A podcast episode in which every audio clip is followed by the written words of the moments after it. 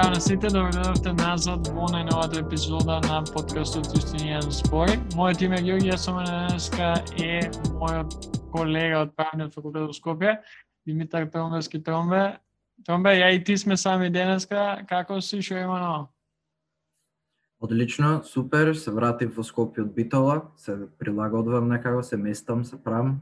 Ти шо праш?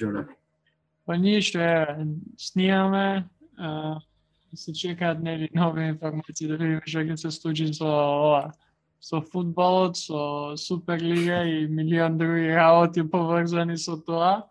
А, па додека, знаеш, малце по а, мирен период, дај да снимаме нешто. И плюс, полициски, таман 8 сат, време за снимање. А, денешната епизода, мислам, самиот наслов ви кажува, збориме за шарената револуција и за се оно што се случуваше пред, после и за време на револуцијата, тоест, нели, така наречената револуција, а, гостен ни е Стефан Видиков, кој што тогашен студентски активист и а, некој кој што учествуваше и зема учествува во самите протести и е некој кој што а, со кој што поразговаравме а, на оваа тема.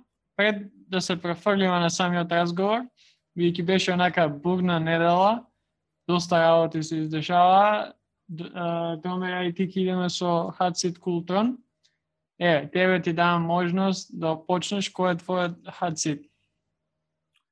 Еве, вака, значи, многу, ќе, ќе зборам се, зборавме пред, пред да снимаме за, за Скафандер Гейт, за со, со собранието што се дешава и поради тоа што сум прилично поделен со мислењата, го клавам хот Seat и култрон на пратеничката, што иде, значи двете заедно за пратеничката и ќе објаснам зошто. Хот Seat од причина што нели, позитивна со ковид во изолација ојде на работи, потенцијално ги загрозува, го загрозува здравието на пратеници вработени што работат во во собранието, нели не е тоа во никој случај не е добро, не е ни добар пример да се постави, а многу луѓе не смеат долго време се во изолација, не смеат да излезат, има најголеми рестрикции, има и санкции доколку него доколку прекршат тој малце ми е као показател као као види пратеници сме и можеме што сакаме да правиме. Ама од друга страна, а, од друга страна, ВМРО ДПМН и Левица кочат апсолутно секаква работа на, на собранието, кочат донесување на какви да било мерки, а и пред неколку месеци а, не дозволија да се донеси, да се изгласа нели онлайн да се одржуваат седници на собранието, што ова комплетно би се байпасирало ако се изгласа, што не разбирам зошто многу глупи логики, многу глупо аргументират зошто не треба тоа да се донеси, најопшто и во нормално време би требало, би било уба работа онлайн да се работи, зошто да не, треба да стремиме кон кон дигитализација на секоја сфера, вклучително и работата на парламентот.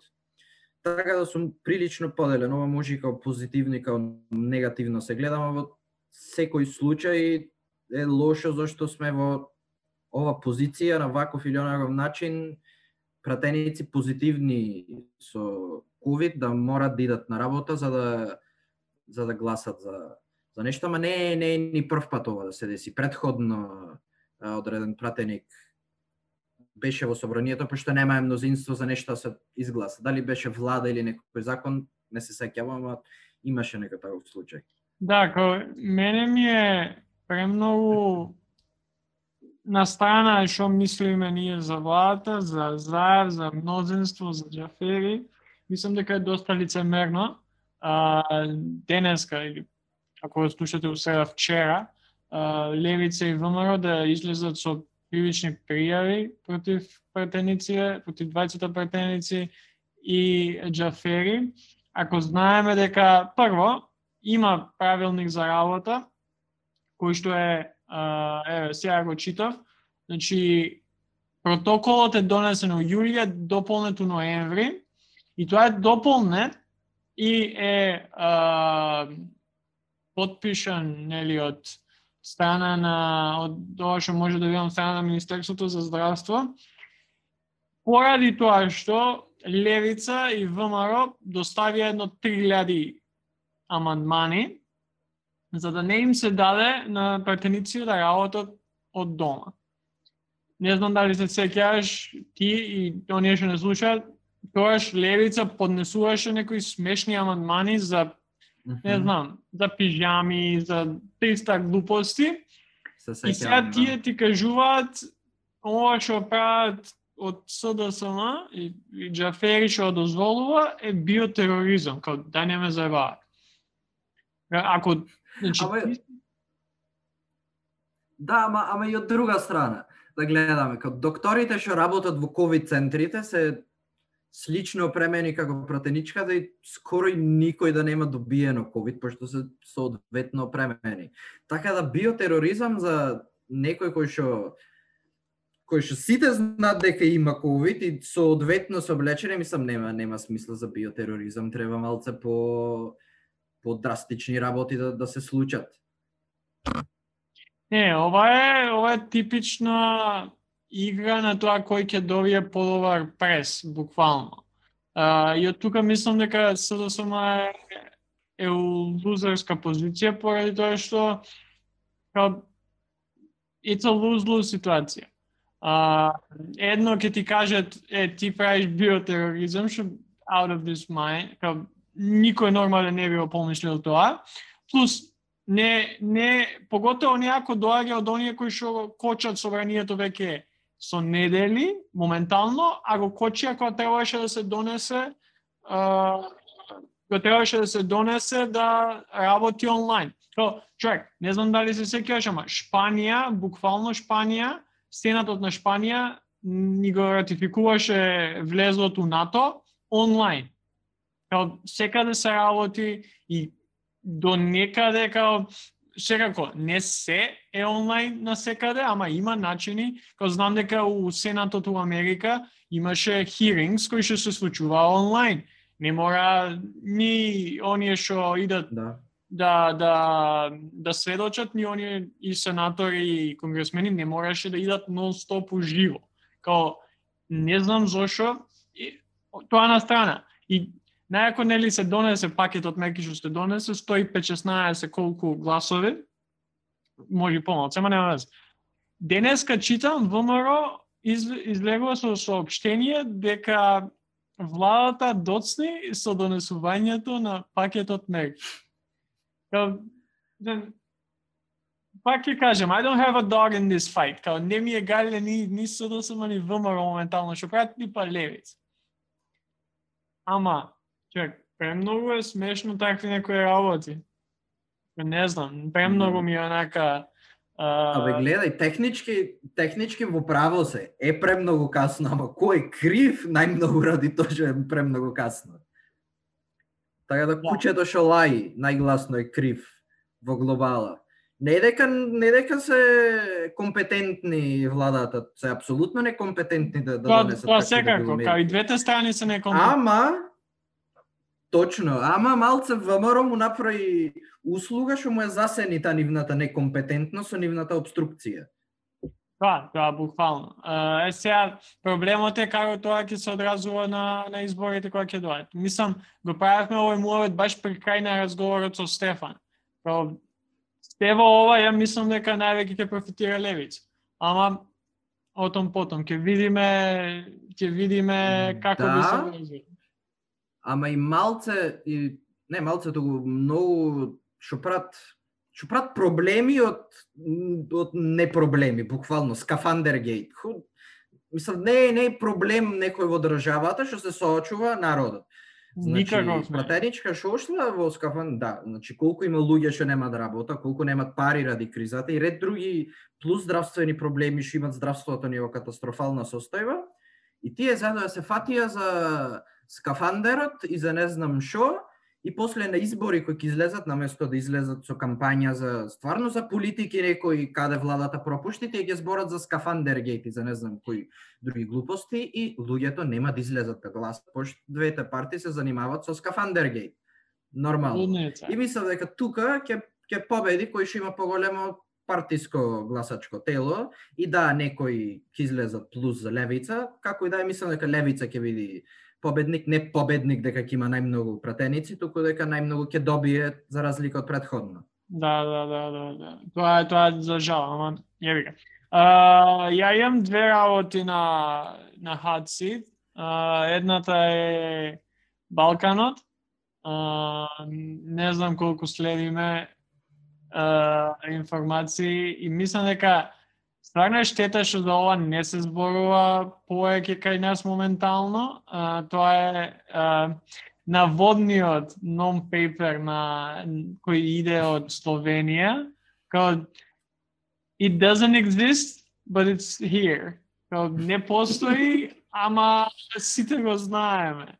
Тоа ми е најако, а, имено ако живеете под Карпа и не, не пратите вести, излезе а, non-paper со на, документ со наслов Западен Балкан, патот надвор, а, кој наводно а, бил доставен до а, до председателот на Европскиот совет Чарлс Мишел, а, кој што добил таква не, таков документ од Словенија. А,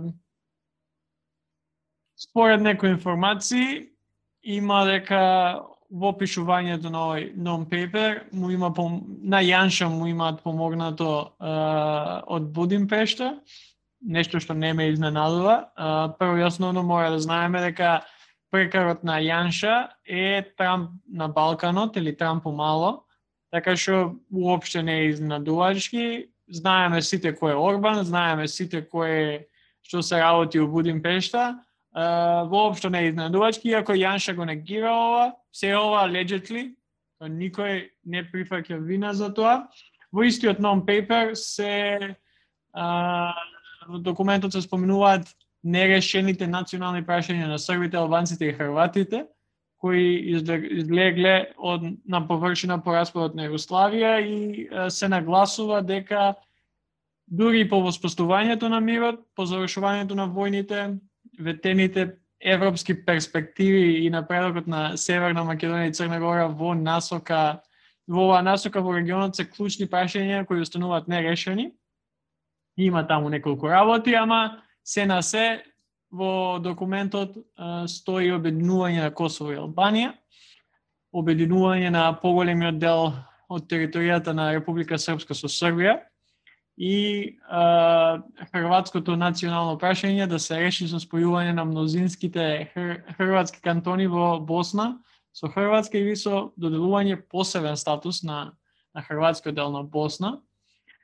А, ова е онака нешто што и да не постои и да не е напишано од Словенија е многу лошо што што се зборува за него. А, Знаеш како, живееме на простор кај што не треба да им се дава идеи на, на националистите кај нас, као без разлика кој го има напишано, без разлика од чий кабинет има излезено, деле од јавниот дискурс, веќе цела недела, на националистите им, им влегува у главата и се поеќе и поеќе станува не, не верувам дека ќе стане реалност, барем не сега, ама Проблемот е што пак ќе кажам, не треба да им се даваат идеи на националистите на, на Балканот, поготово некоја станува збор за, а, за менување на граници.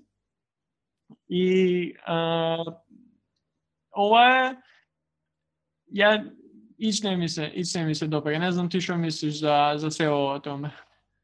Не, фала Богу, и мене не ми се допаја сите вакви националистички ексцесии. Знаеме како можат да завршат на Балканот, знаеме односот на Балканот со, со национализмот, знаеме она долга репресија над националистите што имаше во Југославија, како избувна кога наеднаш добија слово да колку крволочна и сега моментално ова кога прочита некој хрватски или српски националист буквално оргазмира, пошто нивните сонои ќе се остварат со ова ако се подели Босна и така натаму.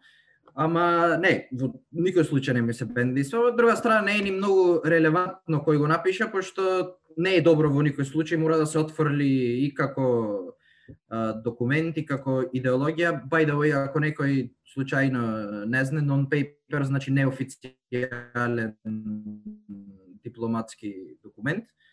Така да овај non-paper не знам што би можела да значи. Не е нешто ново, многу луѓе мислат дека е правилно Босна да се подели на начин како што опиша ти, како што опишано во во документот, мислам дека е тоа неправилно, дека не треба тоа да се деси, дека границите моментално какви што се се во ред имат проблеми, ама не треба да се менват граници, пошто го се менват тука ќе дојде иста ситуација како балканските војни. Леле, кој колку ќе добие, па јас не сум задоволен, па чекај сега јас тебе ќе те нападнам и такви некои глупости мора да се избегнат. А една интересна као обсервација што ја прочитав, као наводно Америка и Западот се против вакви работи, пошто ако се случи поделба на Босна, тогаш ќе тогаш ќе има голем порив на национализам поготово на албански национализам во Црнагора и Македонија и како членки на НАТО, да, како членки на НАТО не му се допаѓа на, на Западот да има такви националистички пориви во НАТО земји. Па, така пати, да, да, некоја Не. кочница нас ни е НАТО од такви работи. До Не сум изненаден од ова, поготово од, од мислењето дека едното може да води кон друго, поради тоа што ти, ти ако видиш дека ова се случува у Босна, да спореди ситуацијата со тебе, поготово албанците, why not? Ако може, ако можеш да се дели Босна, зошто да не се спои Албанија? Сакаш, нема некоја солидна логика, ама може да се направи корелација. Затоа викам дека не верувам дека ова може да води во нешто а, конкретно, барем не у моментов, ама самото тоа што станува дел од јавниот дискурс, што а, започнува као да, сите овие идеи не се од сеа, као идеите постојат со години и години, ама никој ги нема као презентирано на, на ваков начин, а, за да може знаеш, убаво срочено у документ да ги читаш и да биеш као бе, да бе, ова е окей. А, не треба, па ќе кажам, не треба да им се даваат идеи на, на националисти на Балканот, бидејќи знаеме како поминаа 90-тите, уше сите се опоравуваме од, од и војните, и суди и све, така што се надевам дека нема да оди во, нема да води она кон нешто посериозно, ама ако ова ова из- ова со ова би завршил, ова е голем удар на на европската над Европската унија. Пошто ти имаш две членки, земји членки, Словенија и Унгарија наводно, е, кои што заговараат некои вакви идеи, а Европската унија не може ништо да направи ако ги додаеш и другите е, членки као Полска е, и останатите кои делат некои исти верувања и ставови. Иднината на ЕУ не, не, не е баш најсејна, ама добро. А, вториот Да, хаци, да, Ама Ај докажи си, докажи си. Не, ја ќе ќе го спомнам втори рад си као фудбалот. А, последниве неколку дена мислам еве најголема споредна работа е нели не е битна. Као баш пред некој ден со со Борјан као бев ми, ми вика као не може као не, не ми се верува дека ваква некоја работа ме нервира толку многу да не можам да спиам. А, и ја, ја на, на време се откажав од фудбал, дека 4-5 години не следам активно, ама оно што се случува на вистина uh, на вистина е разочарувачки. Имаш за оние кои што не пратат, пак мислам дека ова е една од најважните теми моментално у светот.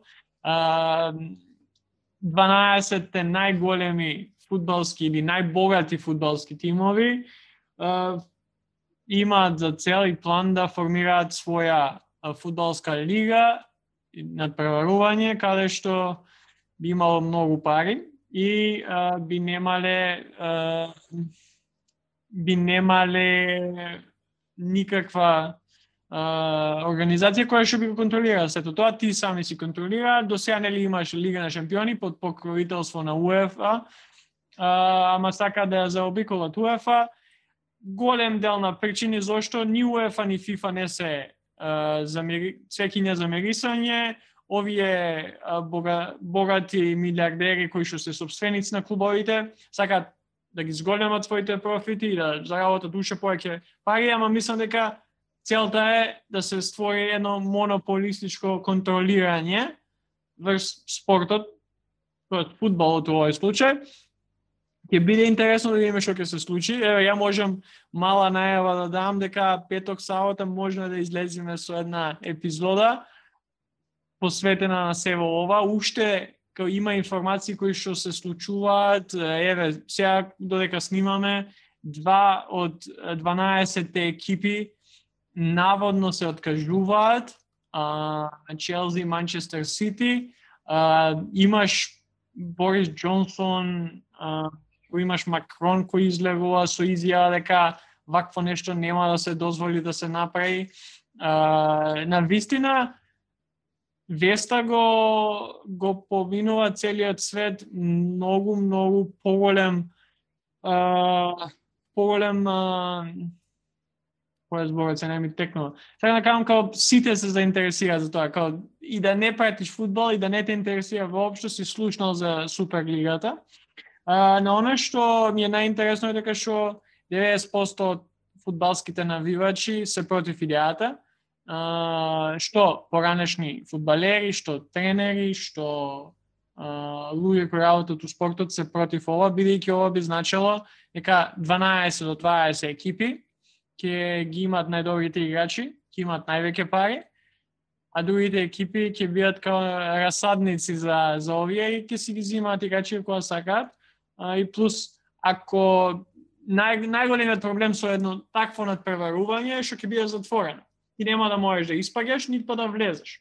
Или ќе можеш од ова што што и првичната идеја ќе биде 15 екипи што ќе си бидат секојаш у лигата, а пет што ќе се менуваат. Е сега начинот на менување како и никој не знае.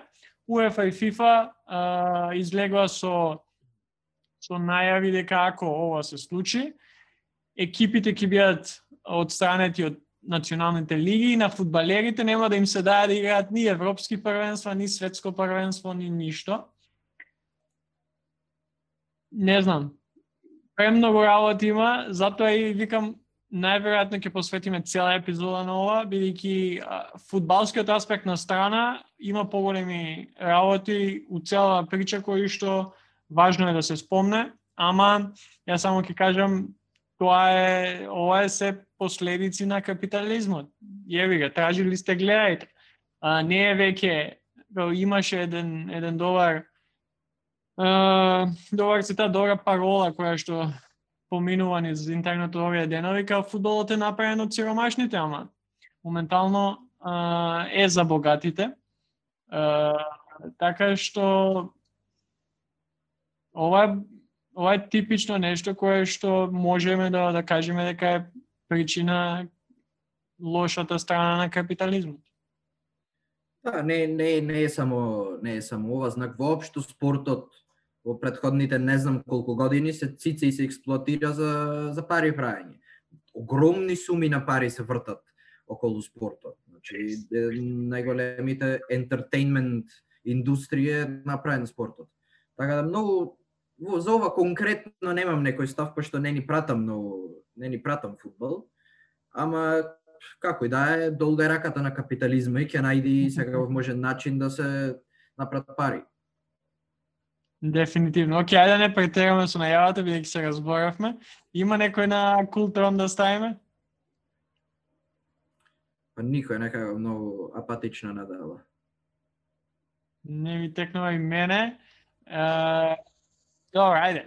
Рековме, ќе направиме може епизода за, за, за фудбалот, за Суперлигата, ама да не должиме многу, идеме со, со разговорот кој што го имавме со Стефан Видиков, а, за шарената револуција и се останато, бидејќи почнавме да разговараме за, за, за протестивот пред пет години, ама по, по, продолживме и поразговаравме и за причините и за работите кои што денеска се случуваат и дали уопште има way out. А, така што идеме со разговорот со, со Видиков и се слушаме пак у некоја наредна прилика.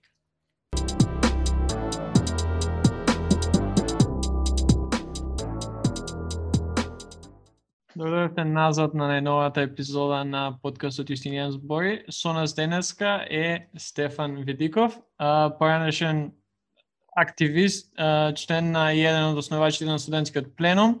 Е со нас денеска и нели пет години помина од почетокот на, на шарената револуција. Ние го снимаме ова на 15 епизодата иде у среда, така што малце покасно. Стефан, Прво, како си, што има ново што правиш? Здраво, другари. А, добро сум, за среќа, во оваа гужва од вирусот. То, генерално работам во последно време, тоа спреам магистарска, нешто ново особено нема. Да. да а, причината, нели, зашто сакавме со тебе да поразговараме, а, е токму таа некоја годишнина, пет години од почетокот на шарената револуција, а, нели, започна 12 април а, пред пет години, а, па траеше некаде до јуни 2016 а, и моето некој прво прашање е, еве, според тебе, као некој кој што беше многу повеќе активен од нас тројца сега што сме тука, а, како како го гледаше ти почетокот на а, на самата на самите протести уште на самиот почеток, а, па после ќе продолжиме да поразговараме што се дешава у моментов кај нас и какви се тие некои а, последици од од револуција од од протестиве а, у моментов. Океј, okay. ја би малку да го шифнам почетокот на дискусијата во насока на тоа да даеме нека по категоријална рамка кај ќе го водиме муаветот Пошто хронолошки, ако почнеме, мислам дека недоволно јасно или недоискажени би биле многу ствари. Според мене, за разлика, на пример, од сите други соборци, ја мислам дека шарена револуција, као концепт, као некаков тип на движење, е потполно затворен а, потполно затворена значенска структура. Во таа смисла, таа е на некој начин клинички мртва. А, клинички мртва појава, феномен, движење и така натаму, кој што целиот систем на значење кој што го донеси во политичкиот живот на државата, е потполно неефективен во денешницата, односно не комуницира на ниеден начин со денес она што е актуелно, кој што се актуелни политички проблеми. Во таа насока, секој обид за заживување на таквиот тип на размислување или некои реминисенции што всушност значела, а што не значела и такви обиди за некое брусење на значењето на шарена револуција е како да кажам, нешто кое што е потполно јалово и никаква референција нема кон денешницата. Ми се чини дека многу од као, не знам, оние соборци што бевме во шарна револуција, многу од нив животот политички им почна, но за жал им заврши со Шарна револуција, се уште а, него не можат и не успеваат да го пребродат тој момент, што субјективно заради, не знам, може би психолошки причини, што политички не може да ја оптегнат својата политичка магинација понатаму од а, шарена револуција. Но да се вратиме евено на првото прашање, а, покрај тоа што сметам дека е потполно мртва работа а, шарената револуција, сметам дека е а, потполно и погрешно сватена или барем преведена во јавниот дискурс од кога се случи па навам. Уште на самиот почеток ја бев еден од онака противниците на терминот револуција, а, пошто е безсмислено да се нарекува а, да се нарекува тие а, протести револуција во најмала рака заради тоа што се обезначува револуцијата како поем, политички поем. Нема ни една допирна точка со револуција. Дури, не знам, најинстенчените политички чувства не може да приметат дека ова е револуција, пошто ниту се случи некаков битен шифт во односите на моќ во нашето општество, воопшто не предизвика нешто такво, ниту наративот беше револуционерен, ниту наративот а, заговараше некој тип на револуционерна промена на нашиот режим, поредок политички, а на крајот од денот не се случи ни она најмало директно променување на власта. Таа влијаеше во промената на власта, но чарана револуција воопшто сама по себе не ја поведи власт. Тоа е многу важна као карактеристика на шарена револуција. Втора, мислам дека голема заблуда која при приоѓањето на шарена револуција е тоа дека а, дека шарена револуција е некаков тип на масовно движење. Не беше ни, шар, ни, ни масовно движење, особено не беше движење поддржано од пониските слоеви во нашата држава. Тоа беше движење кое што беше едно навистина демократско движење, се согласувам со тоа, беше движење кое што доминантно беше поддржано може би од поурбаните средини, од средната класа на Македонија и така натаму под под турната од а, граѓанскиот сектор, мислам генерално зборам управувано. Па во таа насока ниту во еден момент не се постави како масовно движење. Е сега за тука се доаѓаме на точката што е почетокот на шарената револуција, ако се сеќавате или ако сте учествувале, Пред шарената револуција се случуваше движењето протестирам. Тоа движење протестирам беше на некој начин логички логички след од предходните граѓански движења, особено студентски пленум, потем имаше движење во кое што хонорарците се само организираа па почнаа да протестираат против законите за а, мислам за хонорарна работа во тој момент. Па имаше разживување на левицата, неколку леви организации се појави, имаа своји иницијативи и низа на други а, немам, обштествени тенденции, се создаде движењето протестирам, кое што движење на некој начин го а, беше конструирано во духот на тие ултрадемократски формации као студентски пленум и така натаму, по една апсолутна егалитарна форма во која што као демократското а, делегирање на представништвото беше извршувано на една најхоризонтална основа. Пленуми а, стоја зад движењето протестирам, Тоа имаш да се манифестираше политички дури на јавните површини, онака збир на граѓани кои дискутираат, заедно заклучуваат што ќе се прави и така натаму. Ова движење протестираме многу важно и многу круцијално во онака во, а, во смисла на како тоа влијаеше на политичката конфигурација на шарена револуција. Пошто протестираме она вистинско, како да кажам, популистичко движење кое што имаше тенденција да прерасне во масовно движење. Тоа се јави во урбани средини, се јави можеби со затворен дискурс, затворен наратив, наратив кој што го доживува и им значеше на можеби тука во Скопје или во некои поурбани средини, но со тек на време тоа прераснуваше во еден како да кажам по масовен отпор кој што го надминуваше полето на урбаната средина, го надминуваше полето на средната класа, имаше тенденции да артикулира и социјални проблеми и така натаму и така натаму. И во таа насока беше во пат да се претвори во еден тип на масовно движење. И тоа згасна, згасна заради немање на кондиција. Мислам, а, нормално згасна, не е нешто дека, као, мислам, тоа е нормално, многу нормално во демократски земји таквите типови на протести да се да полека да згаснат. Те сега, шарена револуција беше вистинско продолжување на тоа движење. А, и во таа насока шарена револуција постојано живееше на, на таа една шизма. Од една страна притисокот од а, протестирам, кој што имаше тенденција нели да се отвори да ја отвори франшизата на она кој влегува во движењето и како се артикулира а, она арти, а, како се артикулира главниот дискурс кој што движењето го отфрла кон надвор, но од друга страна притисокот да тоа се држи во нормали, да се нормализира, да не ги надмине рамките на она што може да биде лесно преведливо во како некоја една власт ги го спровела. Значи, а, а тоа такви тенденции има оние како да кажам, мислам Не дека е дисквалификативен термин овој што би го употребил, но едноставно е така, тоа се конформистичките не, а не владини организации кои што се, а, како да кажам, корегирачки настроени кон политичкиот режим. Тие не се револуционерни по својата природа и од друга страна партиите кои што има готови структури кои што подоцна сакаат да нели да го да го абсорбираат тоа движење па да го наси, значи двете тенденции беа протестирам од една страна, од друга страна овие веќе организирани политички групации, невладени организации и така натаму, кои што го држаа тој дискурс во рамки на нормала, во рамки на она, значи политичката артикулација да биде читлива за еден демок, една либерална демократија. Оние сите барања што ги исплодивме со шарена револуција треба да бидат држани во таа ос, во таа како се вика рамка на во која подоцна било која една власт лесно ќе може да ги преточи во некаков тип на реформа. во смисла, а, тука и е парадоксот во таа смисла што е од една страна зборуваме за револуција, од друга страна зборуваме за многу контролиран дискурс кој што ни малку не е револуционерен.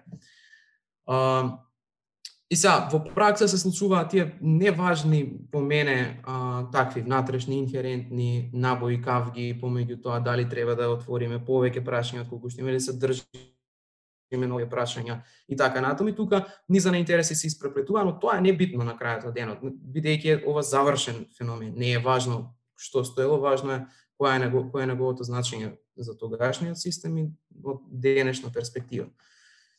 Она не знам ако тука сакате нешто да прокоментираме, но би можело да пробам како сакате.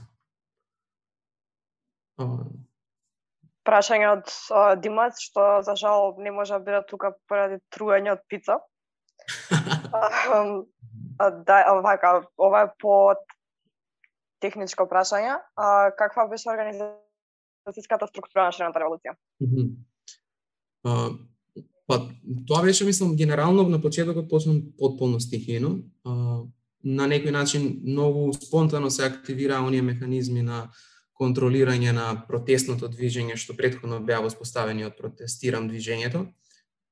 Не никаква како да кажам, подетелна организација не беше потребна, едноставно непосредно да се препознаеме кои сме активистите од минатата година на самиот терен и на некој начин да воспоставиме некој тип на непосредна координација, бидејќи нели тоа с протестите на Шарана на вистина почна експлозивно, уште првата, втората ден имаше кршења и, и некои такви експлозии.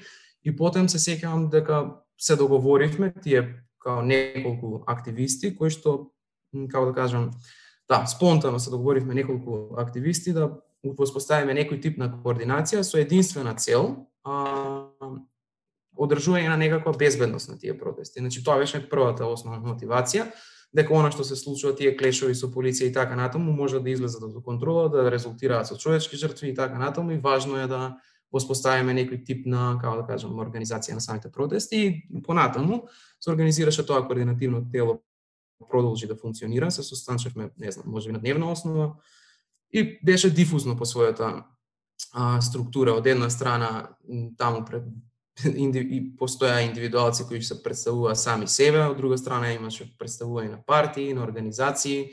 Не знам, јас лично присуствував на почетните координативни состаноци, а, првите може би 10 на 15, чисто како представник на младинската организација Мугра од тоа време. И тоа беше тој тип на координација. И сега понатаму, не знам, тоа како да кажам, еволуираше на некој начин. Многу од активистите кои што беа поискрено вклучени во организација на протестите се изморува, го напушта, тоа па на крајот преостана да се вози тоа на мускули на оние политички структури кои што имаат ресурси и енергија да го прават тоа. Збориме пари за себе, структура политичка и така натаму и на крајот мислам дека беше тоа апсолутно превземано од таа иницијатива. Но оно што мислам дека е важно некако да се контекстира во однос на шарена револуција, она што го испуштаат сите, немам поема другари кои што на некој начин, како да кажам, мене ми е многу патетичен дискурсот кој што го употребуваат. Као тоа се као она као плачење кое што е ирационално, знаете, политичките а, настани немаат морал во себе, се политиката е аморална во голема мера и во таа смисла ме чуди нивната наивност на очекување дека таа револуција или тие протести ќе придонесат така радикална промена во која што ни сега ќе препознаат, не знам, ќе им се отвори и ќе може да очитуваат поинаква смисла на својот живот дури. Она што мислам дека е многу важно да се збори за шарена револуција се барањата на шарена револуција. Барања кои што а, оние он, може да се квалификуваат ако сакаме да употребиме некој тип на теоретска парадигма, не знам дали сте го читале некогаш Лаклау. Лаклау прави таква една дистинкција помеѓу популизм, популизмот и она што му предходи на популизмот, а му предходат а, му предходат демократски барања, она што он тој го нарекува демократско барање. Во основа постои една ваква дихотомија на општеството според него. Од една страна постои еквиваленцијална сила која што ги собира под една капа сите незадоволни групации на од власта, од државата како структура и го протиста, ги противоставува наспроти државата како нешто што е наречено народ или популистичко јас, а од друга страна имате државата како сила која што има тенденција кон атомизирање на групите во општеството, некој тип на аналитичка а, функција во, во политичкото а, на политичката платформа. Што се демократски барања? Демократски барања се барања кои што ги прави една група, кои што се однесуваат кон некаква држава и очекуваат во тие барања се артикулирани така што во нив се очекува дека државата може да реагира некако. Значи не се барања во смисла, ча, чао на системот, го негираме системот и така натаму, него се барања кои што може да резултираат со некаков тип на интервенција на државата и потем таа демократска група која што ги бара, повторно се враќа во нормала, не протестира повеќе. Во таа смисла, шарена револуција беше направена од таков тип на на барање. Значи не беа барања кои што како да кажам, тенденцијата да се претвори шарена револуција во популистичко движење не се доврши, токму заради тоа што барањата застанаа на ниво на демократски барања и не се преточија во барања кои што како бараат да се промени целиот систем коренито. Во таа насока уште еден показ дека тоа не е револуција, туку дека се едни обични протести а, на како се вика на на, на на, на државно ниво, не, на во едно општество. Тоа уште повеќе го покажува, не мораме да теоретизираме многу, го покажуваат и резултатите од изборите од 2016, каде што а, не победи не победи опозицијата, победи повторно ВМРО ДПМН, особено поддржано од пониските слоеви на општеството. Кога велам пониски, зборам социјално пониски, не зборам, мислам се сваќаме, не, не зборам интелигибилно или нешто слично. А, во таа насока шарена револуција не е револуција, не е популистичко движење, туку е еден обичен протестен овако марш. Е сега финтата што мислам дека е многу важно а, за шарена револуција е тоа од кај произлегува разочарувањето кај многу луѓе. Е а, и разочарување кое што како да кажам, ја не го чувствам воопшто непосредно, не сум разочаран, не сум тотално сум индиферентен кон шарена револуција, као е некој тип на како да кажам на движење кое што нешто сум имал со него, сум научил и животот продолжува. Сега повторно сме политички суште, сме тука сме во нова актуелност и бараме нови начини како да се справиме со оваа политичка стварност. Она што е многу важно е што она донесе као битен а, битен битен нов политички момент. А, барањата на шарена револуција, какви и да беа, беа несправедливи доколку а, новата власт не, како кажам, не направи, не направи некои битни битни промени во структурата на државата. Генерално либералната теорија, а и воедно а, артикулацијата на СДСМ против ВМРО во тој момент, заглавува на битна, мислам, на, како се вика, на, на една, заглавува на еден момент. Кој е моментот? Моментот е критиката на деспо, деспотската моќ на државата, многу лесно преминува во критика на инфраструктурната моќ на државата. Кога велиме, кога го критикуваме Груевски, владењето на Груевски, дека всушност ја злоупотребувал државата да го направи ова, она или бла бла бла бла бла, многу лесно преминува таа критика дека и самата држава е репресивна по својата функција и дека самата држава е преобемна и заради тоа што е преобемна, голема, има големи институции, многу вработени внатре и така натаму, по природа е репресивна. Тоа воопшто во барем во случајот на Македонија, тоа воопшто не е точно. Нашата држава во време на Груевски имаше онака изразита деспотска моќ, но на сметка на тоа многу мала инфраструктурна моќ. Не знам дали некоја што го допреле поемот на инфраструктурна моќ, инфраструктурната моќ е онаа моќ која што а, го како да кажам ја ја отсликува а, институционалниот го, го отсликува институционалниот капацитет на државата. На пример, кога државата сака да спроведе некој тип на политики, некој било какви политики, важно е какви ресурси загнува во спроведувањето, колку финансиски ресурси загнува, колку човечки капитал а, пушта во оптек и колку а, информации има релевантни за да може да ги спроведе тие. Македонија по секоја од оваа основа е тотално слаба држава, тотално мала, тотално немоќна држава. За да спроведе било од која од реформите СДСМ мора да го има тој апарат за да воопшто спроведе, а бидејќи го нема апаратот, не само што го нема, него дополнително све што направи СДСМ е носење на уште понатаму намалување на инфраструктурната моќ на државата, воопшто не може да ги испорача ниту едно од барањата, онака збориме по-широки барања на на шарена револуција. И од таму тој конфликт дека тие го ја предале револуцијата и така не тие може би да се може да честно се обидоа со капацитетот на државата што го има државата не успеа и тоа е тоа. А, така според ова што го кажа, не би сакала ниле да те избрзувам со прашање, меѓутоа од преска имам едно прашање А тоа е тоа е да те прашам дали а, мислиш дека шарената револуција си ги постигна своите цели на крајот на денот? Мгм. Добро. Не, не мислам. Не.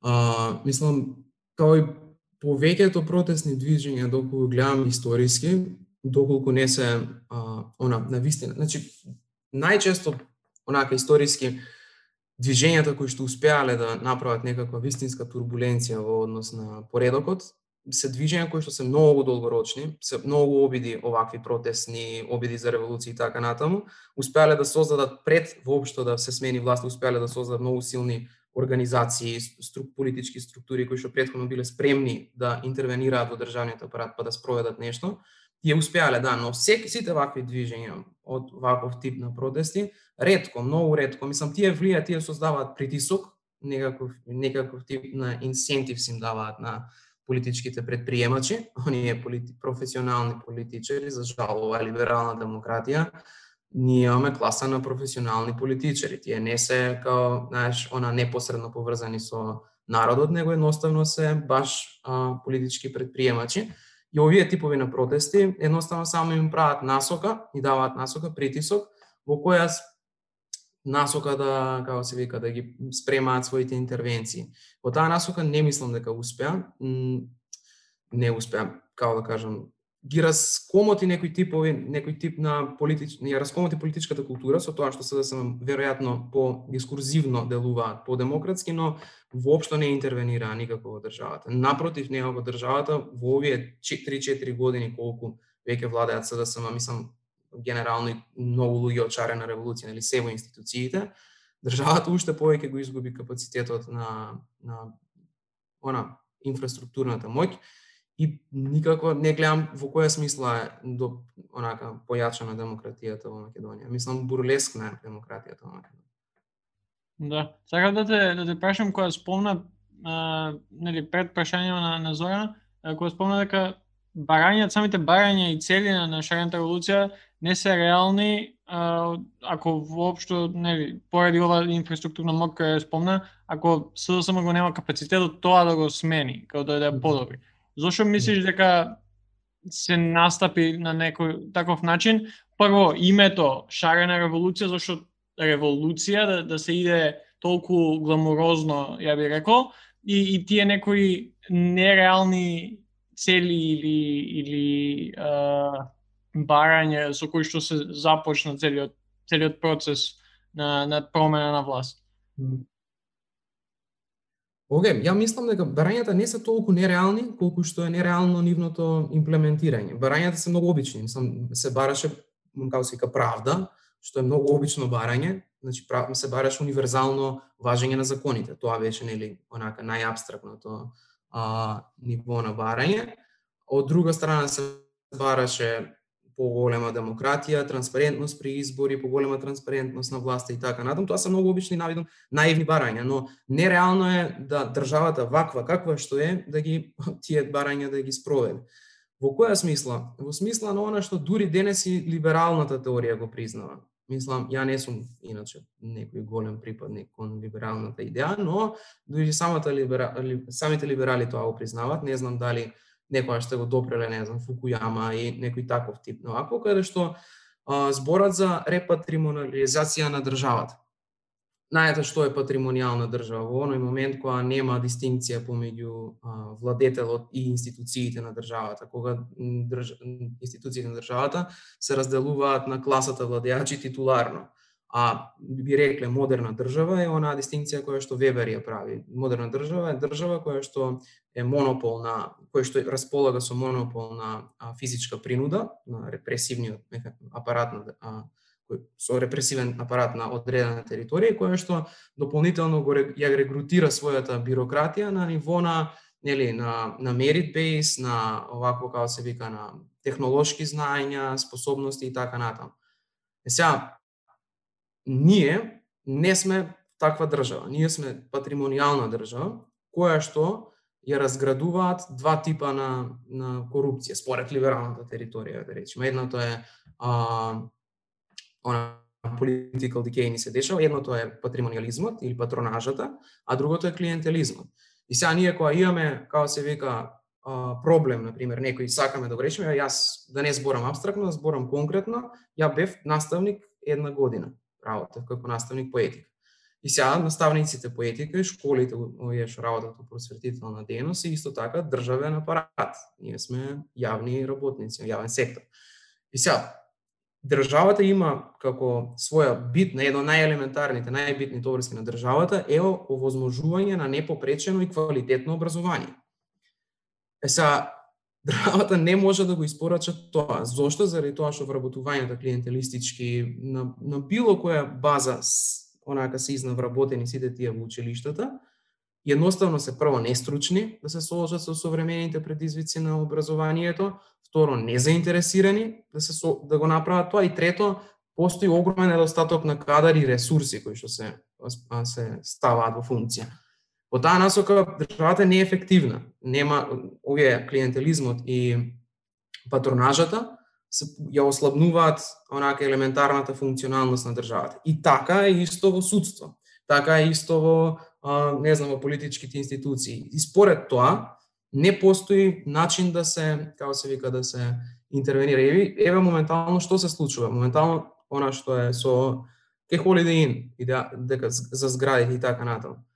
Целиот проблем е постанат заради тоа што имаме клиентелистички односи, односи на патронажа, купени политичари и така натаму. Ситуацијата е потполно зафркната во ќорсокак и не може да се реши повторно заради тоа што нема никаква иницијатива од страна на државата, не.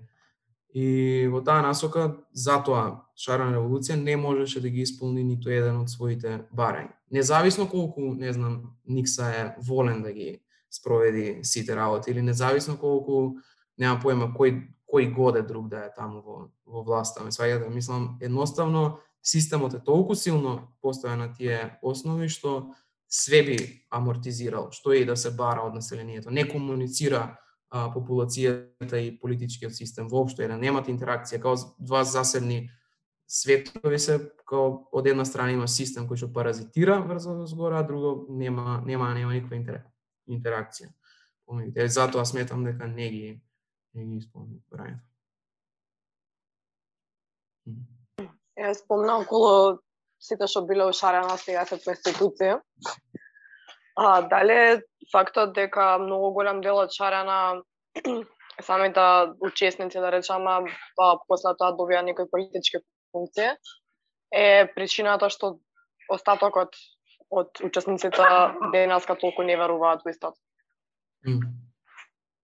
Па не знам, мене искрено јас кога почнав да го гледам тоа како мои другари стануваат дел од институции и така натаму и така натаму, мене тоа прво многу ме ратуваше заради тоа што мислам онака ја искрено а, мислам дека тие луѓе на вистина можат да дадат нешто повеќе од оние бледи лица кои што ги гледавме до 2015-14 постојано двете табори и така натаму, мислам дека овие може да донесат некаква енергија. И од таа насока мислам дека кон тие луѓе не е фер да постапуваме, мислам постојат меѓу нив онака на вистина типични онака луѓе без калибра и идеја. Мислам као стварно типични торковци во целиот систем онака. Но од друга страна постојат и луѓе кои што се, како да кажам, а, честно се обидуваат да направат нешто. Ме сваѓате као а, има такви луѓе, нема потреба да ги именуваме, но има и со она моја комуникација со нив, бидејќи сме пријатели со многу од нив, сваќам дека ова што го зборуваме до сега, као на вистина системот е толку посилен што нивната иницијатива е потполно амортизирана. Тоа по мене лично не ги изема и нив од одговорност, бидејќи на крајот од денот системот е подпрени на субјективниот агенс, нели ако сакаме да ги скрадиме тие институции на либералната демократија, на вистина може би треба да жртвуваме малку од својот комодитет, знаете. Мислам на крајот од денот па why not да славно не загинеш у процесот да не зборам да загинеш буквално, ама why not да си прокоцкаш целиот, целата своја кариера за да направиш некое поголемо добро за, не знам, знаеш, мислам, стои тоа. А, од таа насока ете уште еден показ дека не се работеше за револуционери, него за луѓе кои што а, онака, не знам, честно се обидува. И затоа не, не би сакал да, мислам, нема што да зборуваме лошо против нив, знаеш. Сега, на крајот од денот па и сите тие луѓе кои што беа во шарена револуција, па и за нив немаат некои кои знае какви скандали. Освен два-три несрекни примероци. Ја би те прашал, би се надополнил на, на кате прашањето и би идел подалеку и би би те прашал дали поради самиот неуспех без разлика кој да е причината за неуспехот на, на еве, шарената револуција или протести или сите барања и изминативе 4 години од владата на СДСМ, дали тоа го намалува ја намалува вербата кај граѓаните дека нешто такво слично ако се случи во иднина може да резултира во некоја суштинска промена. Не ве зошто. Не, уопште не, мислам Знаеш како, мислам, ако ја гледаме од перспектива на, на луѓе учесници во таа револуција, и тоа велам, ако живееме и умриме со револуцијата, да, никаков повторен обид од таков вид не е можен, ама и не ни треба таков обид. Мислајте, овој обид не успеа, не е ефективен, не е, не, значи не е соодветна политичка артикулација за нашиот проблем, не го решува нашиот проблем овој лек, треба да направиме да побараме друг лек. Во таа насока протестите не ги водат као Мислам, она тоа ми се чини многу наивна а, инфантилна идеализација либерална, дека постојат суперхерои, социјални активисти, и као они мора да се инспирираат сега да тргнат у борба против лошиот систем. Не, зортот ќе натера луѓето да направат нешто. Сега, као мене ниту малку не ми инспирира, немам поема, не знам што во кога бев студент за да се инволвирам во студентскиот пленум едноставно гледав премногу проблеми околу себе и решив онака ајде да видиме со некој другар дали можеме нешто да направиме. Саѓате, мислам, не ме натера некоја некој идеал, не ме поведе. Мислам, јас си бев она што што сум, но немав некои посебни, не бев активист заради активист, тоа сакам да кажам. И во таа насока не мислам воопште дека е застаната тука работа. Напротив, доправа доаѓа интерес интересен а, удар политички во нашата држава, како што стојат работи. Почнува не е поентата дали постојат сега артикулации. Гледаме дека овие сите се зафатени, едните плачат на Facebook, а другите онака, како да кажам, не можат да се дојадат од а, институционалните ручоци. А, и гледаме дека тие се зафатени, тие нема, не прават никаква социјална критика, но постои голем вакуум кој што некако ќе биде артикулиран 100% сигурно. Мислам као ако нема да престанеме ко општество, сваѓаш. Да, мислам дека ми го одговори моето прашање уште пред да го поставам.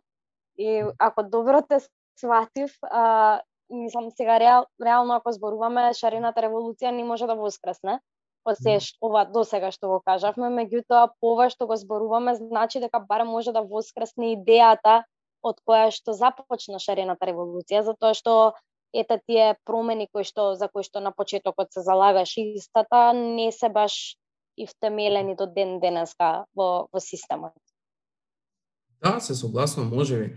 Но, како да кажам, дали е и битна таа идеја? Мене лично, не знам, јас на вистина ми е потребна, пред да почне било што, мислам, мислам ми се чини дека е потребна многу зрела политичка анализа на тие процеси. Не, не постои таква.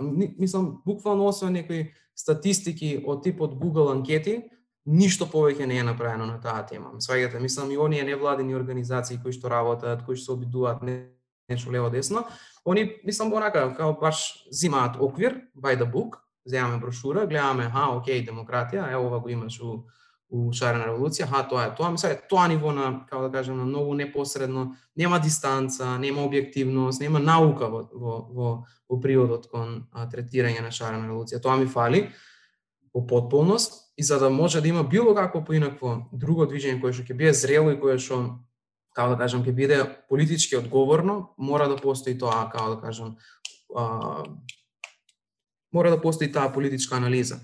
И во најмала рака лично за мене, не знам, не, е ни, не ми е ни потребна шарена револуција, не ми, е ни, не ми се ни потребни тие...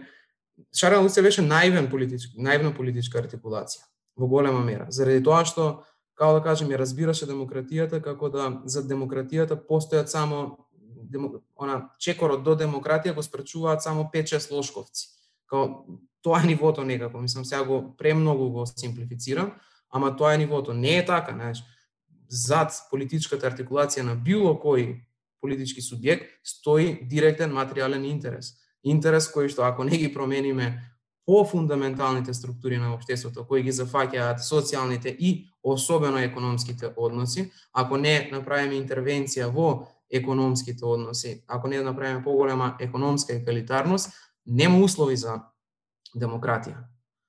Пошто другиот, и сам, а, ова не го збориме као, као да кажам, идеолошки, марксистички или така натаму, него збориме на ниво на тоа дека постојат држави такви, земеме пример Америка и така натаму, во кои што онаа демократија од формален аспект, аналитичкиот аспект на демократијата постои, но гледаме дека заради некој тип на интересни групи е потполно спречено да се а, да, да функционира таа демократија. Така да мене лично не ми треба шарена револуција, ми треба она сериозна, сметам дека не не е потребно и, и не знам уште една многу интересна работа. Не знам зошто сваѓам зошто моите пријатели кои што а, како да кажам не се во институции, а беа дел од чарна револуција, фантазираат кон ново граѓанско обединување на улиците и така натаму, но не сваѓам зошто на било кој друг тоа би му потребно. Океј, за нив има носталгична причина, е супер, ќе биеме другари, ќе протестираме, ќе пиеме пиво у парк, ќе збориме филозофија и сите тие работи. Ама за нормалните секојдневно луѓе не сваќам зашо е потребно. Мене лично денес воопшто не ми требаат да протести. Мислам, мене ми треба онака сериозна политичка структура, партија со други зборови, која што онака многу одговорно ги третира овие прашања и е испаѓа од од од оној како да кажам нормата на либералниот дискурс и во исто време не запаѓа во овие десно популистички а, како се вика имагинации политички како не знам левица и така натаму и така натаму. Потребно е поинако посериозно делување, не ни се потребни протести. Ако треба ќе ги направиме, ама не треба, може да го направиме тоа многу поинако. No.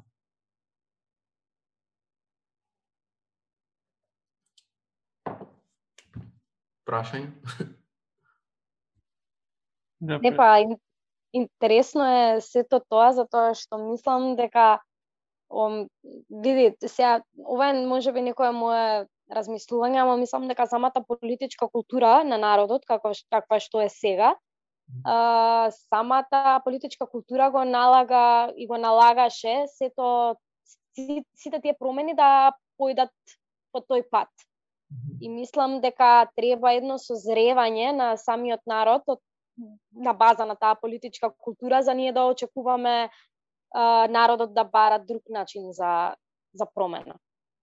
Не знам дали би се согласил. Јас не верувам во концептот на политичка култура, пошто ми е многу детерминистички. Мислам, во политика нема ништо културно. Во, нас, во, во, во, во која смисла? Во смисла на тоа дека политиката активно создава култура, како да кажеме, активен, ам, активно аранжира културната констелација на било кое општество, не обратно. А, културата нема влијание кон политиката. Има мало, да, може да се мери тоа, но не е пресудно, заради тоа што а, као да кажам, ако гледаме вистински, ние имаме дегенеративен процес на тоа. Ако гледаме дека значи, некаде во 70-тите години, 80-тите години, граѓанството овдешно се покажува како многу по култур, по политички писмено и културно. Ме сваѓате? Значи имало како повисоко ниво на политичка култура, па зашо паднало тука, ме сваѓате? Во таа смисла ако го мериме тоа така пошто се гледа како се гледа, пошто како се одржува некој систем кој што генерирал многу по здрави политики, политики кои што се однесува, кои што се прво поегалитарни по својата природа, во на ниво на редистрибуција на богатство, редистрибуција на политичка слобода и така натаму, и на ниво на а, очувување на јавното добро кое што денес е тероризирано, мислам политичките субјекти денес прават терор врз јавното добро. Кој јавното добро е онака баш оној наивен плен кој што се грава најбесмилосно од сите други работи што дешаваат околу нас.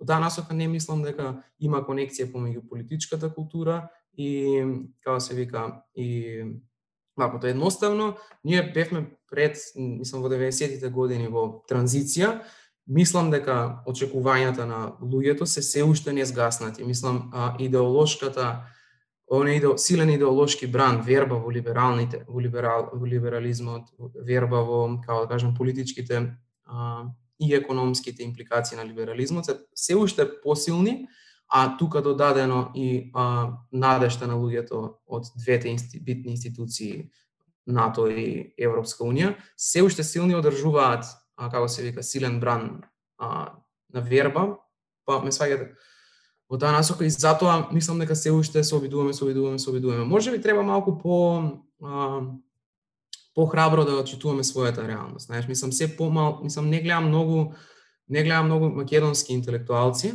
кога велам македонски не мислам македонци, него мислам на луѓе кои што живеат во Македонија, вклучително албанци и све и свашта. А, не гледам македонски интелектуалци кои што се занимаваат на вистински автохтоно со нашите политички проблеми. Постојано имаме онака вадење некаква политичка категорија од евроцентричната теорија на Западот и пренесување и онака ние имаме нормативна анализа во, во насока треба, знаете, со буквално со тоа зборче, онака, а македонска треба, ова треба, ова треба. Тоа е нивото на нашата као интелектуален осврт кон политичките ситуации.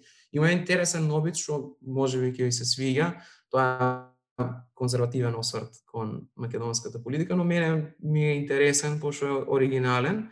Се вика книга е тоа, се вика Македонски катахезис и од Бранислав Саркањац, не знам дали го знаете, филозоф, мислам предава филозофија на политика, мене беше професор Ја мислам многу интересен обид, мислам и концептот за што е македонски катехрезис обид да ги натамамиме така оние европоцентрични, другоцентрични теории, да го читаат нашиот а, контекст политички, така што ние би се чувствувале како дома на своето, не? како јас да сум субјектот на историјата, а не, не историјата не се случува таму на запад, па ние сега каскаме за неа и така натаму, него не, тука јас сум сега субјектот кој што е актуелната историја која што може да ги менува директно стварите. Мислам, сега збориме нели за интелектуална предсвртница. Мислам дека тоа е еден од најголемите проблеми генерално на македонскиот активизам и балканскиот можда, а, што пробуваме да го реплицираме западот. Тука. А, не може да донесеш нешто странно и да очекуваш тука да расте. Не е таа почвата, не е таа атмосферата дефинитивно.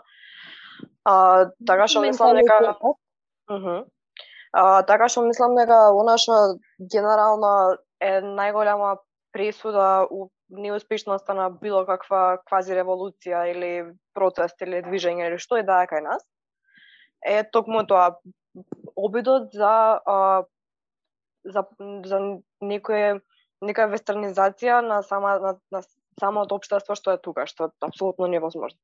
Mm, дефинитивно. Дефинитивно, но ај.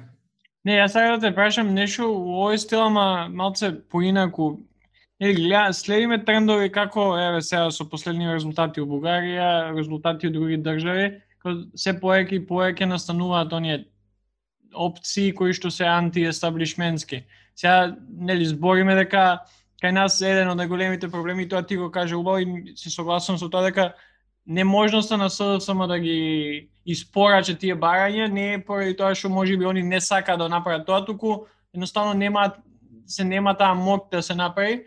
а, сето тоа, дали мислиш дека токму поради тоа во и, не, во скора некоја еднина ќе имаме некоја партија која што или ќе се створи некој дали движење, дали партија без разлика како ќе се нарече, кој што ќе може да направи некој таков некој резултат кој што ќе биде позначаен од, од само нели два пратеници или од, од еден, знаеш, од, од еден до двајца градоначалници или било што и да да може да, да ги предизвика на некој начин СДСМ и ВМРО бидејќи колку и да нели да е лошо, сепак сметам дека имаат преголема моќ поготоа кога збориме за внатрешноста од државата.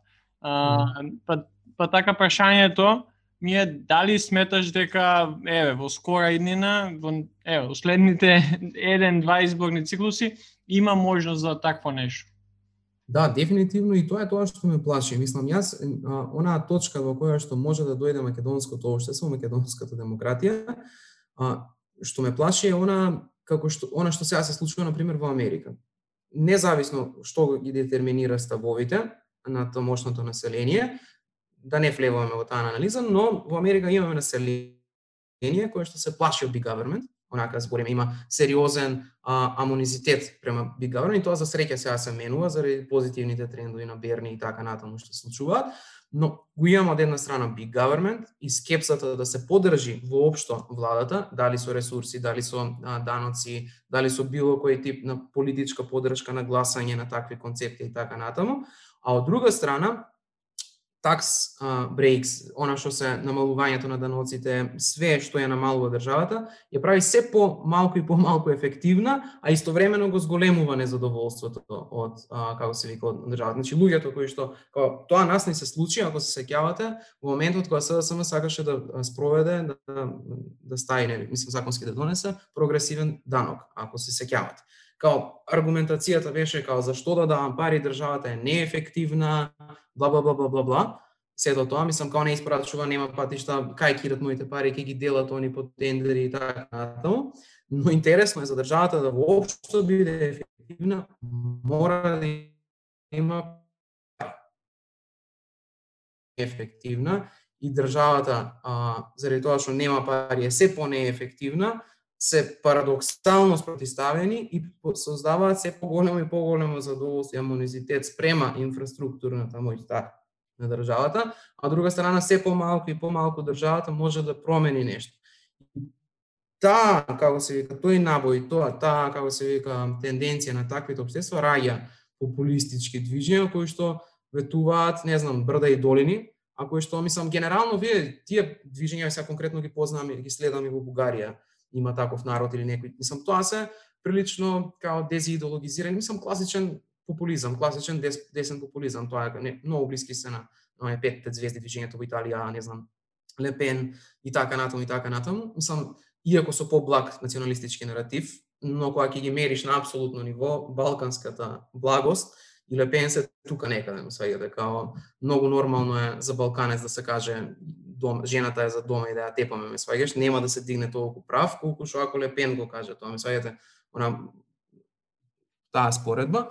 И генерално тоа се тие како да кажам од една страна краткорочно мислам дека се опасни, но долгорочно не нудат нешто посебно, пошто знаеш тие движења се многу адхок, као и кога кажат кога се блиску до власт, испорачуваат многу краткорочни адхок реформи и така натаму, веројатно го засилуваат и клиентелизмот. Не знам, имаме со е, таков прв еден од првите примери такви во историјата е Ендрю Джексон, на пример Америка. А, го имаш моментот на кога освојува власт, најнаш го има Квинси Адамс од спротива, он е нели представникот на естаблишментот, представникот на оние кои што се политичка елита, знаат како се влада едно друго, собира голем гнев од народот бла бла, доаѓа на власт и што прави? Пика своји луѓе, партијци во институциите и го измислува клиентелизмот како концепт. Прв у пракса, пошто една од првите демократски држави Америка, САД, а, прв у пракса ги, нај, заради тоа што ги накалемува популистичко движење за себе, ги става по институции, го измислува клиентелизмот и од она што подоцна страда држава. Така да тие имаат повеќе функција на продолжување на проблемите, некако не се одговор на вистинскиот проблем. Може да донесат само поголемо страдање, не знам, по, по мене. Кога велам поголемо страдање, не очено страдање, него да ги уште толку да ги заплеткаат работите, не дека не се оплеткливи тие работи. Така да тоа е, мислам, и во Македонија дефинитивно левица, мислам, на наредниви избори, а според мене ќе направи бум. И, мислам, се поизвестно и поизвестно е дека ќе направи бум. Анкети тоа го покажуваат, освојување храброто зацепување, на вистина храбро ги освојува наративите, мислам, буквално ќе поставува деф, дефинитивно владеја на десните наративи, ги поставува црвените линии на десницата, но од друга страна интересна им нуди интересна програма и на овие, не, по работниците и така натаму, со тоа што има социјален аспект, така да ќе бидат проблем, ќе биде наистина проблематично да се реши тој нов феномен на левица, кој што не нужно е опасен пак од друга страна. Мислам, ние го знаеме, нивниот национализам е булшит, онака, мислам, без, нели, задршки, мислам, потполно ирационално. Мислам, тоа е, како да кажам, нивната мобилизација е хоризонтална, нивната дистинкција, она што прават ние тие моментот, нели, секоја политика создава конфликт, значи е базирана на конфликт. Мора да постои дистанца ние тие, тоа е идејата. Тоа е, тоа е за, мислам, не знам дали го знаете Карл Шмидт, тоа е, е татко на нацистичката а, идеологија, но е прилично а, овако како се вика гениален политички филозоф, а, филозоф на политика. А, и он вели дека во фундамент, а тоа го велат исто и предходно и Маркс и, и цела традиција на мислење, во фундамент, во основа на, о- на обштественото е конфликтното, агонистичкото, она спротивставувањето. И секоја политичка артикулација се подпира на она дихотомија, ние вие, дистинкција. Е сега, мојавето е како таа дихотомија ќе биде артикулирана.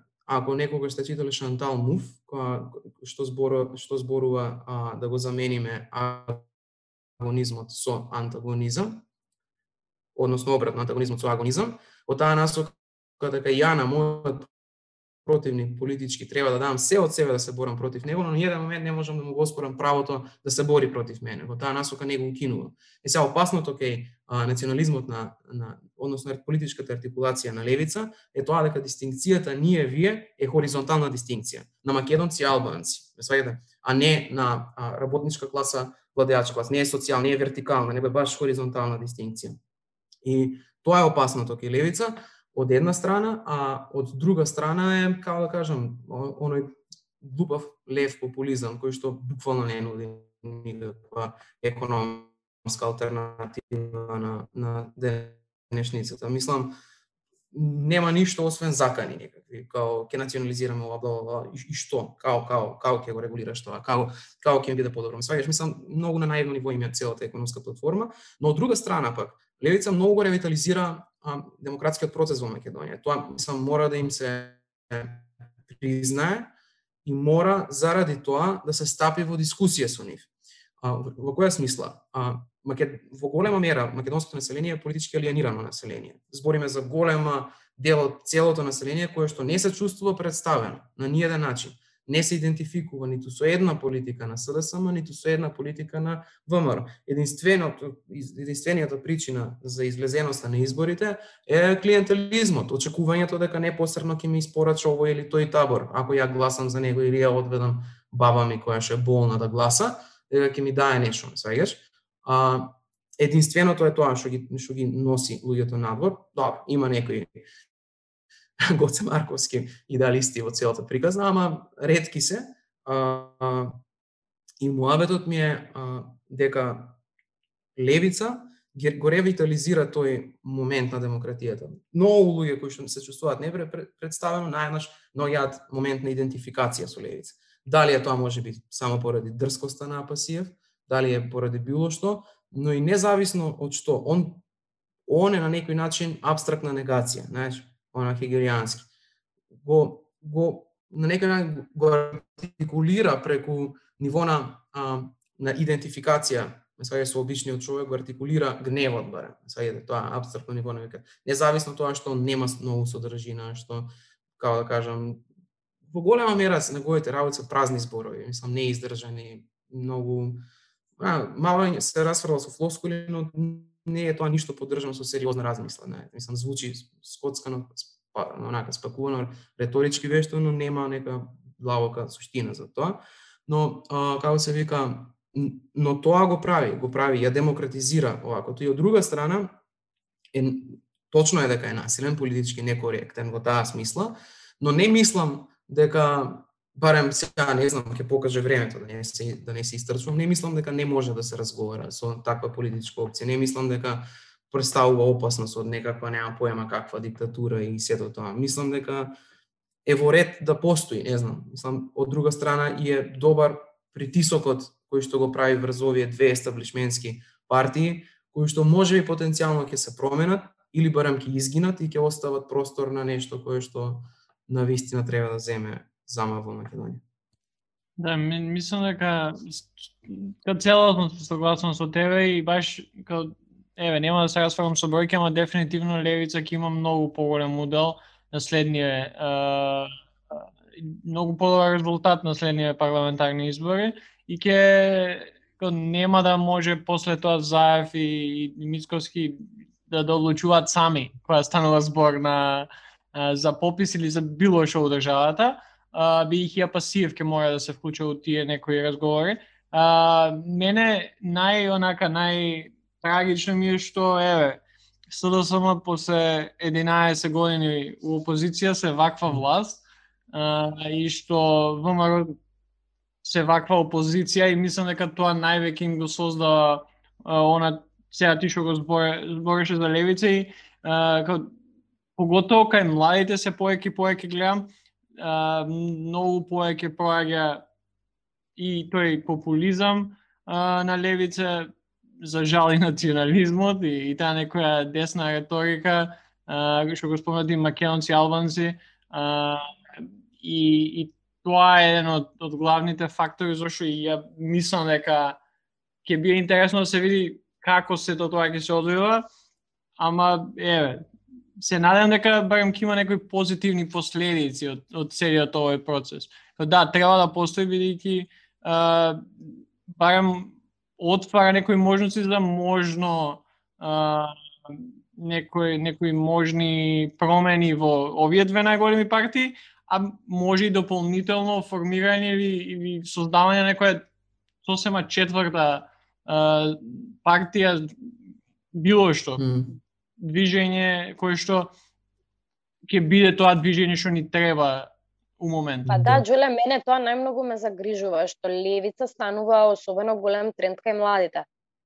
И некако тоа ме става во длабоко размислување за тоа какви се ставовите на младото население во Македонија и зашто и како ги поддржуваат тие ставови.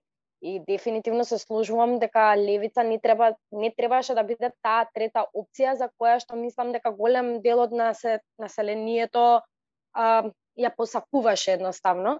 И не знам, мислам дека барем од се ова што го зборувавме денеска, мислам дека може од сите тие идеи кои што се зародија изминативе 4 години на назад, па може и 5, а, мислам дека може да излезе многу поздрава трета опција од од левица. Се надевам, јас ја мислам онака дека и не е толку лошо а, млад, она што младите се инволвираат во политика, независно дека тоа е не не можам да кажам дека е погрешно, пошто е глупаво да се каже дека е нешто погрешно заради тоа што некаква идеолошка позиција би имал. Знаеш, пошто а, знаеш, многу е важно да да влезеш во политичкиот мегдан и да осетиш како е во насока на тоа да знаеш како можеш да артикулираш, знаеш.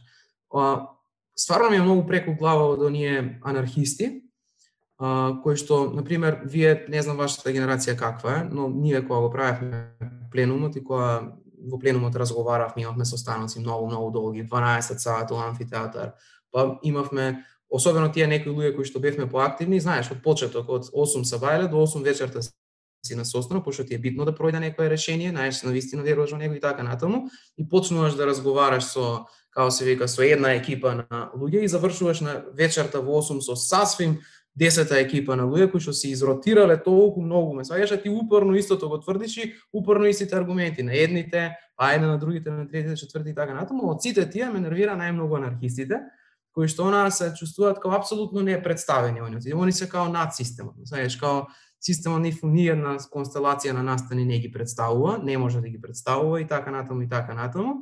И, и Ма тоа е заради тоа што ниту еднаш не влегуваат во политички мегдан. Знаеш, мислам, во ред на таа дистинкција, школска е таа дистинкција на теорија пракса, во основа не постои. Мислам, одамна во, во, во не знам, во теоријата, во филозофија особено е надмината таа, тие базични школски, учебникарски дефиниции, имаме идеологија, теорија, која ше е теорија и пракса. Не, одамна се тие надминати и веќе уважуваме нови, како се вика, фактори на теоретската пресметка. И сега, мојаветот е, а, кога влегуваш во политичкиот мегдан, сваѓаш до каде можеш да ги обтегнеш своите нози во кога, кога даваш политички став за нешто. Сваѓа, е сега, а, ако голем дел од населението е аполитично, исклучено од политичките процеси, како што беше до сега, а особено младите силно исклучени, наеднаш кога се уклучуваат, се уклучуваат потполно на, на некои опасни политички позиции.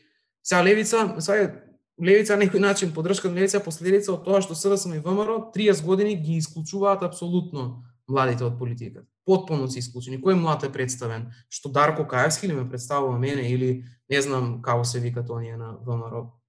Тие пред време се остарени, остарени не можам да ги доживам кој млади по пет деца имаат направено на 25 години. А, као, мислам, и некои такви, сега, кој се чувствува представен од нив? Никој не се чувствува представен од нив ни малку не застапуваат ниту еден младински интерес. А да не збориме колку па младински проблеми се накалемени. Е, вие сте веројатно студенти, мислам се соочувате со што знам ја до, не одам на тоа го гледав пред мои очи што се дешава сето мислам сега да може да збориме за тоа ми се збори многу за а, какви се условите на факултет и како тие генерираат ствари кои што се подоцна се пресликуваат во политичкиот систем и мојаветот ми е дека кога тие ствари не се артикулирани, кога младите не артикулираат политички, најчесто се зафаќаат на некоја таква тоа не е радикална, него е како да кажам, политичка позиција која што е исклучителна. Не радикална. Радикално би било нешто кое што се залага за коренито променување на нештата. Политичка позиција која што е исклучителна е позиција која што ги исклучува другите од политичката игра. И, и тоа се случува. И сега левица, феноменот левица кај младите се објаснува на тој начин до некаден, но и не е лошо заради тоа што како да кажам, не се не е толку опасна по мене партија. Се не треба да ги третираме така, не треба да го отфрлиме потполно, да тоа е безобразно звучи да пасивно, треба да разговараме, да се, се мегданиме со него. Сваѓате, сам она што се случува а, денес од овие две големи партии е глупост. Мислам, не знам дали ми е криво или ми е или сум среќен за тоа, пошто воопшто не навивам ниту за ВМРО, ниту за СДСМ, али она бегање од дуели со човек кој што му расти рейтингот, кој што активно, мислам, во иднина ќе биде клучен фактор на македонската политика е лудо. Мислам, тоа е како како да кажам, гледаш дека идеш на зид со автомобил и не кочиш, саѓаш како идеш од зидот, верувајќи дека е морска пена. Тоа тоа тоа се случува. И за жал младите ќе го прават тоа, ме. Но и што друго да подржат по овој случај? Мене пак се согласувам како право си, поготово мене мене ме нервираат поготово кога еве оние политички лидери на двете партии, на СДСМ и на ВМРО, нема да го како да му дадат некое значење на пасив, ама затоа по цели денови ќе гледаме луѓе кои од кои што се на на страната на на провладени, едноставно кои што ќе зборат за него, ќе пишуваат статии колку само безобразно, било што како ќе ќе прават оние hit pieces, а, ама затоа Заев, Мицковски и останатите кои што се уврват на двете партии се поставуваат како апасија да не постои. Тоа мене многу ме нервира и мислам уште пое ќе му дава им дава на значење на не само на апасија, туку на целото целото движење позади левица како и и мен, мене ме нервира како некој кој што не го сака апасија или не ја сака левица. Кој не се согласува со речи си ништо со тоа што прават. Така што мислам дека целата она политика како се хендла на некој начин на Пасиев и Левица е едноставно осудена на пропаси, токму тоа ќе му помогне највеќе на него. нешто што е она unintended consequence да. од начин на кој што се однесуваат према него. Ама и друга работа, знаеш, мислам, тешко е да се бранат позициите на СДСМ и, и мислам не као не би сакала сум кожа на партиски подмладок од двете тие партии. Сајате, као тоа е као ќе го одбраниш тоа? Мислам особено сега еве ако збориме за СДСМ пошто ВМРО не се интересни за коментирање, као они се out of the picture. А на пример, а, овако како се вика, кај СДСМ мислам буквално имаш тотално mishandling of the crisis, као потполно потфрлаат онака енормно многу, мисла, као страшно многу, потфрлаат на многу други полиња, као и не, не, не убедуваат онака, знаеш, моќта на на конкретното во политика многу често, мислам тоа ВМРО беа вистински мајстори, еве се овие го употребуваат, као во основа системот е потполно пропаднат, не функционира и ама ние направивме три зелени крова у Скопје, ме сваѓате, као имаме еден автобус жртви од ковид дневно, избориме за три крова, ме да избориме за некои такви мали чекорчиња, као што, као како тоа, ме сваѓате, да, као збориме истовремено правда дошла Сашо Мјалков уопсен, додека у исто време 15 минути подоцна на вести гледаме овој Рашковски, ме сваѓаш скандали пак повторно. Као потполно е како тоа ќе го браниш, не можеш. И сега како ќе искочиш па со Пасиев на на на дуел во таква ситуација и тоа но ако на вистина и тоа покажува колку се цинични и тоа е многу интересна тема идејата на Катманот во Кетман, Катман, као, не знам кој е точниот превод на, на македонски, во, во политиката. Као, знаеш, као перформативно си некаков идеолог, но во основа не веруваш во тај. Имаш циничен однос со она што го веруваш. Но, а, како се вика, ја перформативно зборам дека сум левичар, дека ги имам овие оние идеи, но во основа воопшто не сум, него само ако ја ги преповторувам тие фразирања, тие сите како како сакаме да ги дефинираме, имам некаков тип на материјален можеби интерес и така натаму, но во длабоко не верувам. Тоа мислам таква а, епидемија на катмани имаше на кетмани имаше која се распаѓаше а, социјалистичкиот систем, као ги имаш ти најврвните идеолози кои што Карл Маркс појадувале, вручувале, вечерувале, мислам се што они научно направиле или не знам што издале мора да биде референца на Карл Маги, подоцна ги имаш истите тие луѓе се супер предприемачи, као на една скопска бивара е нивна, овамо, онамо, се супер бизнисмени се сликаат по светски списанија за успешно бизнис или се политичари кои што ми зборат за некаков тип на либерал. И тоа се баш катмани.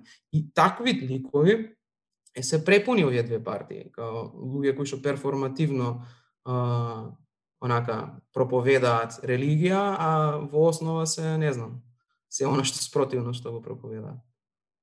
Така да тешко е да се збори со, не знам, Апасиев или која годе друга критика, не мора да е таа Апасиев критика.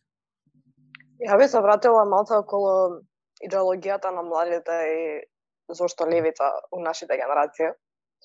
Мислам дека тука најклучно проблемот што наш, нашата генерација, барам мојата и тоа што го гледам околу мене, дека пуста желба да бидат анархисти, mm. ама во суштина се тешки десничари без да го сватат тоа.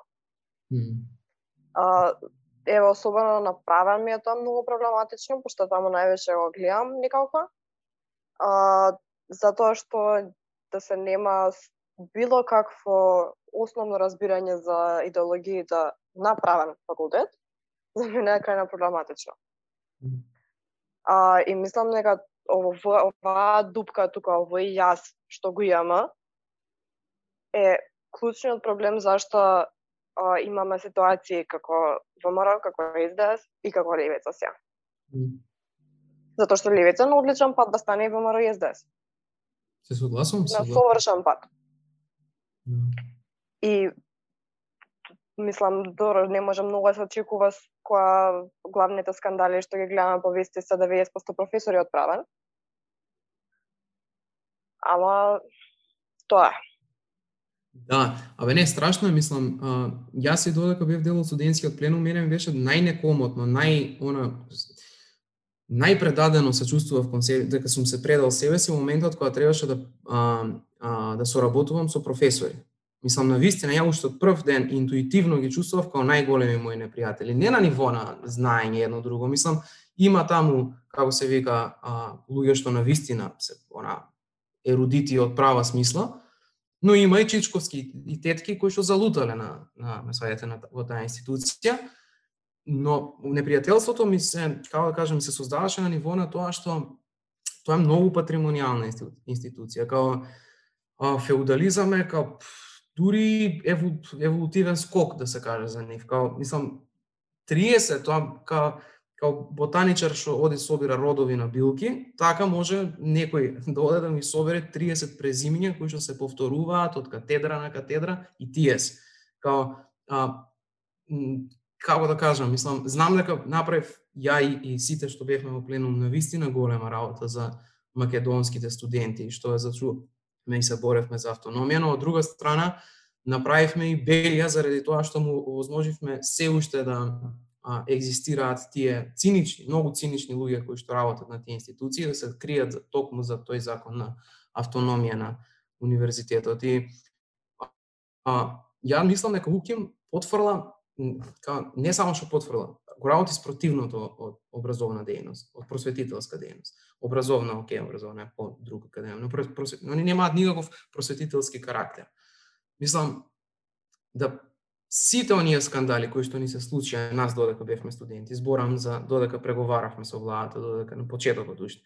Сите можни не не не сам не, не би ви се верувало какви подмукли спрепки од страна на професорите, од страна на институцијата и раководните кадри на универзитетот, до она која протестиравме против изградбата на тие две згради во а, овако како се вика во оквирот на факултетот, до нивните саботажи за сега да се воспостави здраво студентско тело и, и до сето тоа, мислам, да поминат неказнато и, и да не и да поминат потполно неразчуено во јавноста. Мислам, као УКИМ не е нешто кое што е нивно кралство. УКИМ го плаќаме ние со даноци. Ја работам веќе три години, мислам, ја го плаќам УКИМ. Со, мислам со со мои даноци. Не ми е едно и од тој аспект која која која го, која го перцепирам, сваѓате тој проблем и, и то толку генерирање на една култура на, на поданички менталитет, на култура на, на тој клиентелизам, култура на... Не, не знам, сам стварно одвратно е. И најинтересно е дека се рехабилитираа со пленумот. Сите тие луѓе кои што го уништија Лукин предходно и кои што ја уништија државата патен, пошто од таму многу често државата регрутира. Пошто, е, онака историски, генерално универзитетите се појавуваат, се воспоставуваат историски во моментот кога се појавува модерната држава, па воспоставува образовни институции кои што, од кои што може да ја генерира својата бирократија. Тоа е нема некоја многу по како да кажам, нема некоја многу по просветителска или многу по идеал, идеалистичка а, смисла за универзитетите, него се баш така, машини за производство на бирократија. Тоа е првата нивна генерична а, функција, подосна да ја стануваат центри као споредно секундарно се појавуваат други тенденции кои што ја создаваат па онаа другата вредност, есенцијалната универзитетот и за таа за која што треба да се бориме. Но во основа од таму излегуваат кадрите кои што ја пунат државата и гледаме државата како е како е онака спроведена. Ги имате Хорхе, не знам, Сидјановска, Рашковски, луѓе кои што се цел живот систем, онака, сам постари се од системот. Да. Uh, сега баш гледам веќе збориме повеќе од сад време и мислам дека ако продолжиме секако што и да кажеме ќе биде супер и верувам дека ќе биде интересно за слушање, ама бидејќи добиваме премногу критики колку многу ни траат епизодиве. Мислам дека овде може да завршиме епизодата. Секако баш ми се сиѓа идејата да поразговараме и за факултетиве и за за се она што се случува моментално и кои се некои од поголемите проблеми, така што пак ќе те имаме на на подкастов. Ама за крај, пошто сијаме ние на крај, ги прашуваме сите нови гости кои што ни идат. А, еве, сега сме полициски часе 9 сат снимаме. А, што ќе ни препорачаш? Дали за читање, дали за слушање, дали за гледање? А, нешто што еве тебе ти оставило впечаток за нас и за за оние кои што не слушаат и гледаат во моментот. Па ништо за гледање може некој филм има доста интересни, не знам дали го гледавте или дали воопшто го гледавте некој филм од Винтерберг. Ова е супер, Another Round сега што е кандидиран за Оскар, на пример, ето, предлог филм. Snowpiercer, а, филмот, Што друго би можел? Е, ова е многу добар. А, Nomadland, не знам дали ве гледанете три филма. А, за слушање, што знам што да, пред, да предложам за слушање. Ја, си предложам омилениот албум Velvet Underground. Исто имениот албум. А, за читање, не знам што добро. Теорија, може би, ете, популистичкиот ум на Лаклау, пошто во контекст на муаветот. А, не знам, роман. Ја читам Мураками сега ми е многу интересен. Не знам зошто го наоѓам на 26 години. Не сум го нашол на 17 кога требало. Да, ете Мураками било што од него би било супер. Фала ти, да, фала ти за гостувањето, па еве, следно кога ќе збориме може и уживо ако условите го дозволат, ако не, пак ќе се видиме на Zoom и ќе поразговараме за некои други теми. Ова поканава за друг пат не беше покана, беше изјава поишака, идеш секако. Да, да, да. Нема сакаш, негаш. Може барем ќе дозволи Џоле тема да одбере Стефан сам. Зашто е. сега да зборам? Да, да, јас сум, сум за оваа тема као шарена Луција, сум фиксно многу мразам да зборам за ова, као мама ајде. Да, па гледај, ние а, видов баш дека нели се почнува се се пишува овие денови недела дена за за шарената така револуција пет години. Кај ја не икем да зборам, ама кога го видовме викам ајде ќе направиме ни нешто, ќе поразговараме нешто поразлично од а, од она што на друго место може да се најде и кога зборевме а, кој би можел да ни дое, прво име ти беше и као ај ќе ти пишам да видам дали дали би бил заинтересиран. Инаку да, не е не е некоја од темите кои што ни се најомилени, ама мислам дека е важно да се дае барем поразлична поразлично гледиште на, на некои од настаните кои што се случи и кои што се уште се случуваат, знаеш, непрестано. Да. Е, па, Ама добро е што начнавме многу други теми, патем, започнавме тоа ни е нас честа, мислам дека пракса веќе да започнеме од едно и да си ги поврзиме, си ги поврзаме после тоа темите понатаму. А, но сепак се е нели поврзано меѓу себе, така да мислам дека ова беше супер, супер разговор. Хубаво. Баш ми е мило. Е Супер, така. па се ја најдем, ако времето дозволи па и на пиво. Е, договорено. Може. Договорено.